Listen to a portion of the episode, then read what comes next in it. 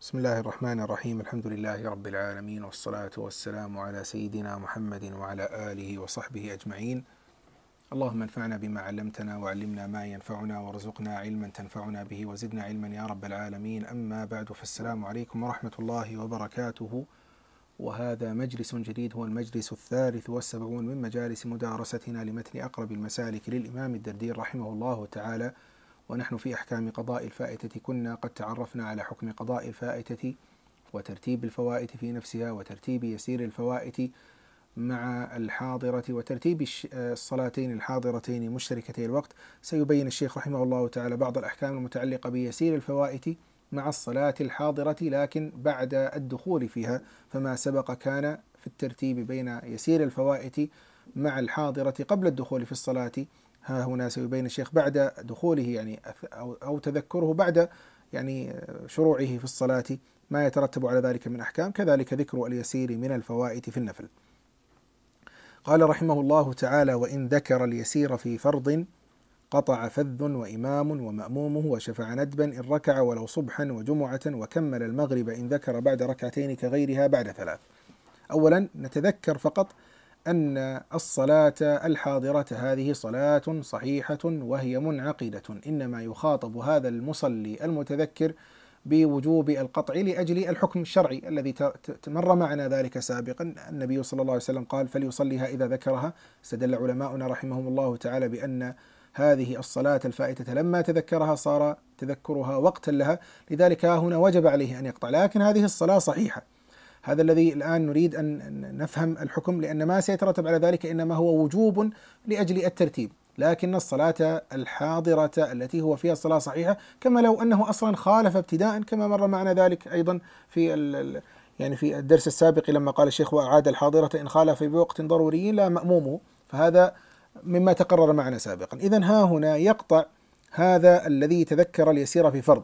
تذكر هذه هذا المصلي يسير فوائد طبعا الحديث هنا عن يسير الفوائد لا عن كثير الفوائد. تذكر ذلك ولو في فرض تذكر في فرض ولو كان هذا الفرض صبحا صبحا أو جمعة.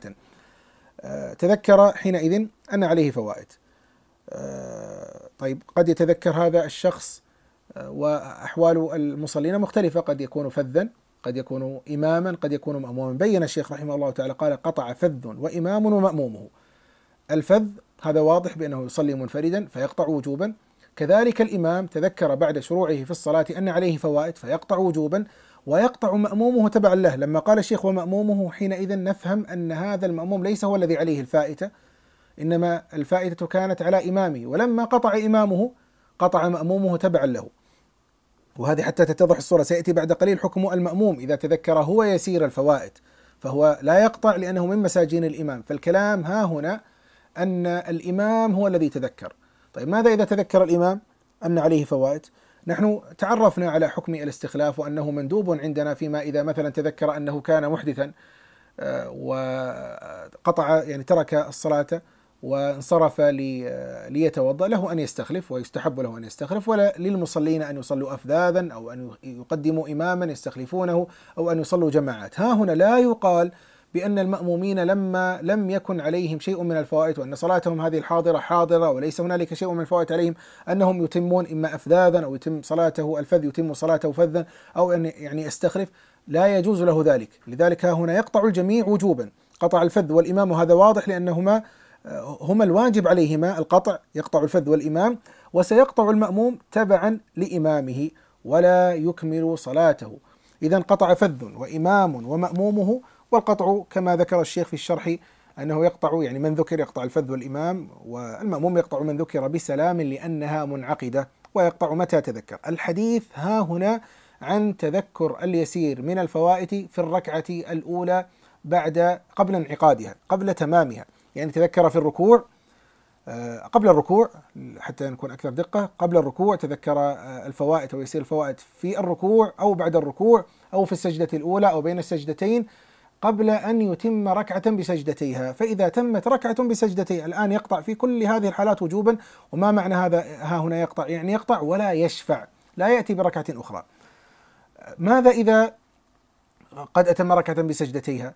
ها هنا سنقول له يقطع أيضا لكن لا يقطع المقصد ها هنا الآن. يعني المقصد أنه لو أتم ركعة بسجدتيها سيخاطب هذا كذلك بأنه يرتب يسير الفوائت مع الصلاة الحاضرة.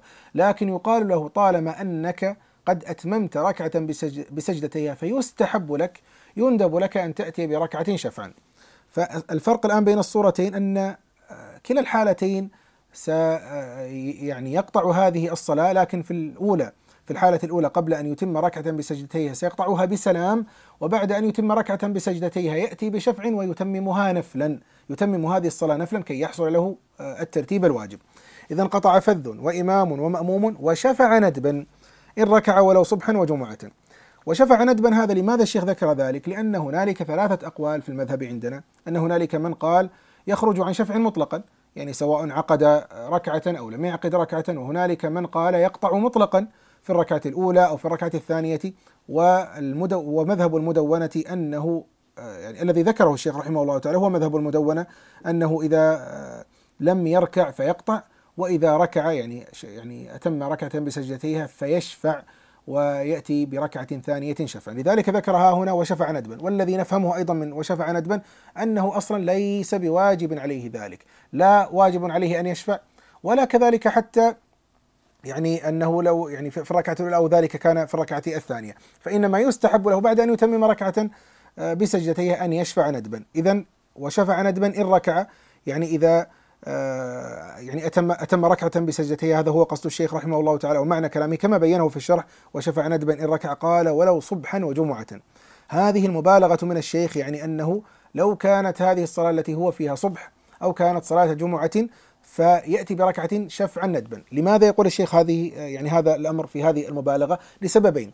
الأول أن هنالك من العلماء من ذكر أنه لما يعني تذكر يسير الفوائت بعد أن عقد ركعة بسجدتيها في صلاة الصبح أو في صلاة الجمعة فهذا لأنها شارفت على التمام. أتى بركعة؟ يأتي بركعة أخرى. لماذا يشفع وقد شارفت على التمام. فهذا اذا يتمم صلاته فرضا وقد شارفت على التمام. ف يعني لا يتممها نفلا أو لا يشفعها يعني نفلا.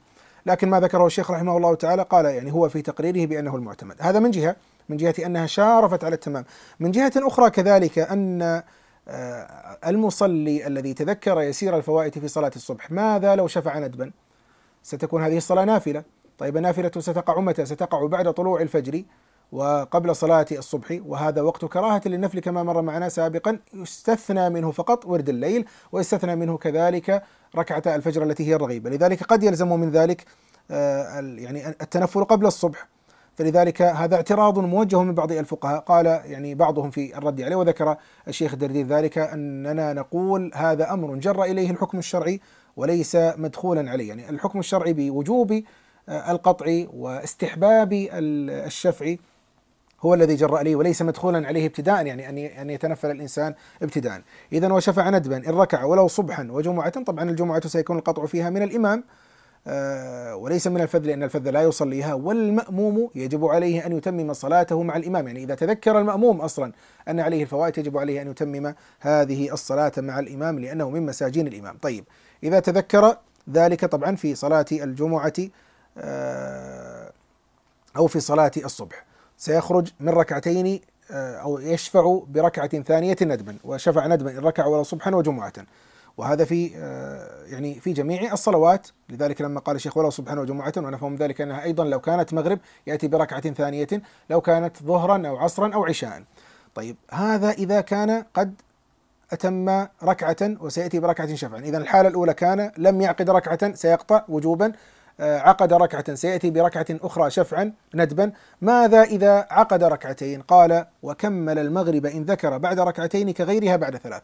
أما صلاة المغرب فيكملها وجوبا بنية الفرض يعني يتممها لأن ما قارب شيء يعني لما أتى بركعتين كما ذكر الفقهاء ما قارب شيء يعطى حكمه فلما أتى بركعتين يكملها وجوبا بنية الفرض أن يأتي بركعة ثالثة فريضة ولا يتممها نفلا وكمل المغرب إن ذكر بعد ركعتين. ويفهم من ذلك لما كان ذلك في المغرب وهي ثلاث ركعات أن ذلك سيكون من باب أولى إذا أتم الركعتين أن يكون ذلك في صلاة الصبح وكذلك الجمعة. وكغيرها بعد ثلاث يعني كغير المغرب وهي الصلاة الرباعية. هذا هو المراد بغيرها يعني الصلاة الرباعية فلا يشمل الصبح والظهر يعني كما هو ظاهر أيضا كما ذكره في الشرح رحمه الله تعالى. اذا في غير آه، الثلاثي في غير المغرب من الرباعية كالظهر والعصر وكذلك العشاء. إذا أتم ثلاثا إذا أتم ركعتين يعني نقولها هنا أنه سيقطع. طيب إذا يعني يعني حتى لو كان قد نهض للركعة الثالثة فإنه يرجع للتشهد ويتممها من ركعتين. ماذا إذا أتم ركعة ثلاث ركعات في الرباعية في صلاة الظهر أو العصر أو العشاء؟ يقال له حينئذ يكمل صلاته لأن أيضا هذا ما قارب الشيء يعطى حكمه فيتممها بنية آه، الفرض. إذا آه، وكمل المغرب إن ذكر بعد ركعتين كغيرها بعد ثلاث وأعاد كمأموم مطلقا. يعني وإذا كمل طيب إذا كمل هذه الصلاة. قال أعاد يعني أعاد هذا الذي كمل صلاته آه، هي المغرب طبعا الصبح والجمعة الصبح والصبح وكذلك المغرب آه، يعني إذا أتم في أتم أتم فيها ركعتين وأتى بالركعة الثالثة أو أتم فيها ركعتين وكمل صلاته في صلاة الصبح ثم بعد ذلك أتى بيسير الفوائت يقال له حينئذ يستحب له أن يأتي بهذه الصلاة أن يعيدها يعني بالوقت الضروري بعد أن يعني يأتي بما فاته من يعني من الفوائت وإتيانه بيسير الفوائت قال كمأموم يعني كمأموم مطلقا يعني كذلك المأموم الذي تذكر يسير الفوائت في صلاته خلف إمامه ثم أتم هذه الصلاة وجوبا لأنه من مساجن الإمام. يقال له بعد أن ينتهي من هذه الصلاة ويأتي بالفوائت أو يسير الفوائت وجوبا يقال له بعد إتيانه باليسير كذلك أنه يستحب له أن يأتي بهذه الصلاة. طبعا سواء كان قد عقد ركعة مع إمامي أو لا يعقد أو لم يعقد ركعة مع إمامي سيتمم صلاته يعني وأعاد كمأموم مطلقا ويمكن أن نفهم منه يعني في قول الشيخ رحمه الله تعالى كمأموم مطلقا يعني أن مطلقا أن أن المأموم يتمم صلاته خلف الإمام يعني سواء عقد ركعة أو لم يعقد ركعة. هذا فيما إذا كان قد تذكر يسير الفوائد في فرض وبين مفهوم هذا آه، الكلام في قوله رحمه الله تعالى وفي نفل يعني أنه إذا تذكر يسير الفوائد في نفل أتمه إلا إذا خاف خروج الوقت ولم يعقد ركعة يعني يتمه وجوبا. لماذا يتمه وجوبا؟ لأن النفل مما يلزم بالشروع فيه ولكونه لا يعوض يعني ليس مثل الفريضة يعوض وهذا ونفل ليس بالشروع يجب في غير ما نظمه مقرب قف واستمع مسائلا قد حكموا بأنها بالابتداء تلزم كما ذكر العلامة الحطاب وأورده العلامة في مراقي سعود العلامة العلوي.